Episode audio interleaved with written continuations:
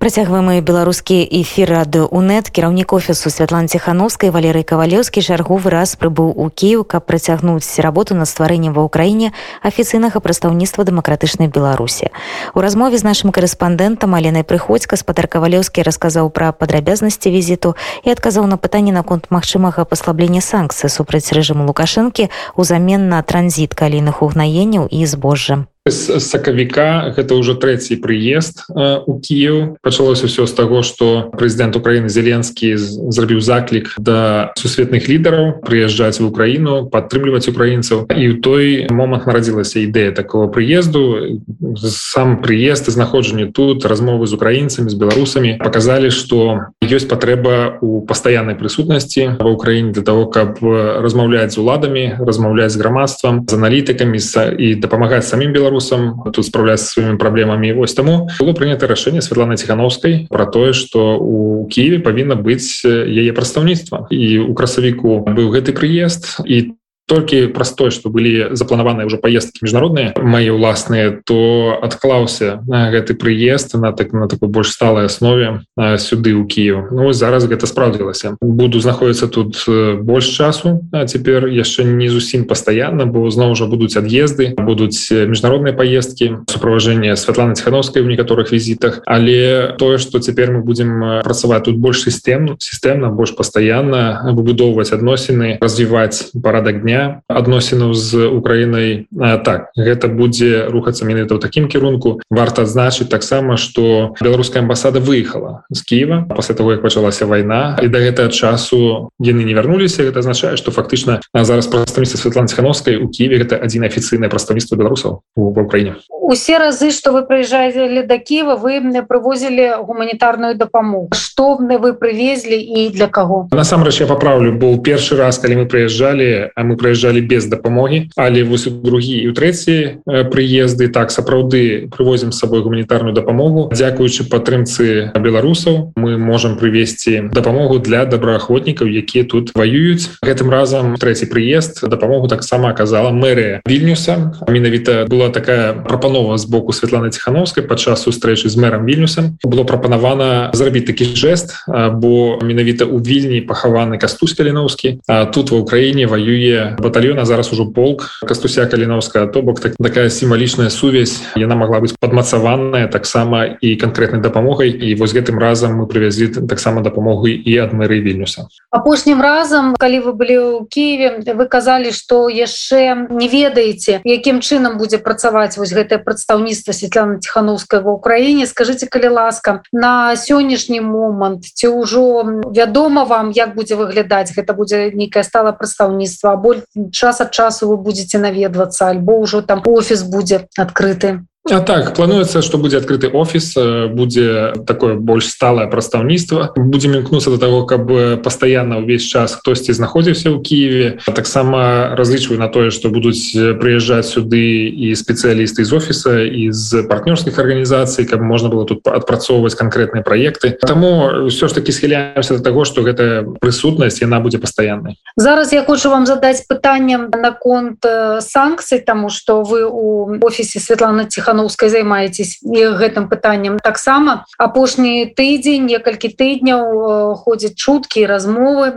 вакол того что да беларусі могуць быць часова тэрмінова паслаблены санкцыі узамен на тое каб пайшоў транзіт калійных угнаенняў і таксама зерня. Насколькі гэтыя размовы увогуле маюць сур'ёзныя падставы і насколькі такая магчымасць рэальна? Ну мы бачым что такія ініцыятывы прогучалі з вуснаў на генеральная сакратара Ан Антоніо гутэраша і гэта дастаткова сур'ёзны ўзровень можна прызнаць гэта. Разам з тым відавочна что нам прапануюць такую фальшывую дылему. Ці правы чалавека ці голод у свеце. І что менавіта Беларусь павінна стаць таким вырашальнікам праблемы. Для гэта трэба замарозіць унутраную сітуацыю дазволіць лукашенко зарабляць больш для того каб умацоўваць свой рэпрэсіўны апарат працягваць умацоўваць дыктатуру. І конечно для нас это абсолютно непрымальна. Такі паварот такі варыянт вырашэння нібыта праблемы. Тым больш что насамрэч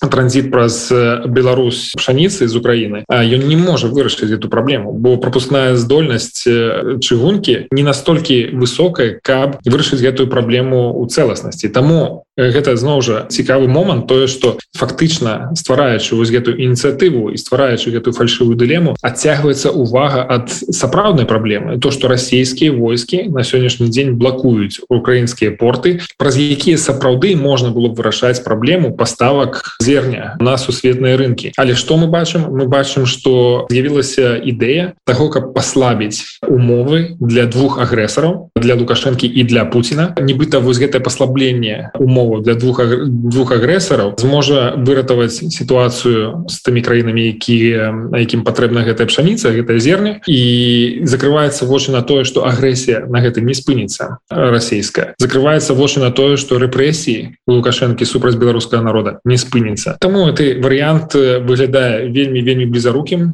вельмі недасканалым ён не вырашае праблему ён толькі дазваляе Пуціну лукашэнку адчуваць себе больш упэўнена але ж лукашенко ухапіўся за гэта і зрабіў ужо зварот персанальны зварот да Антоніо гутэрыша Ну то бок ён бачыць у гэтым усё ж таки магчымасць для сябе. Насколькі Ан як арганізацыі і Антоніо гутэрыш як персанале можа мець уплыў каб насамрэч гэты план быў рэалізаваны Ну прынамсі на тыя 6 месяцаў пра якія ўжо вядзецца размова? Ухапіўся лукашенко за гэта тому что ён тоне ён тоне і гэта адчувальна. Таму яму трэба хапацца за такія ідэі.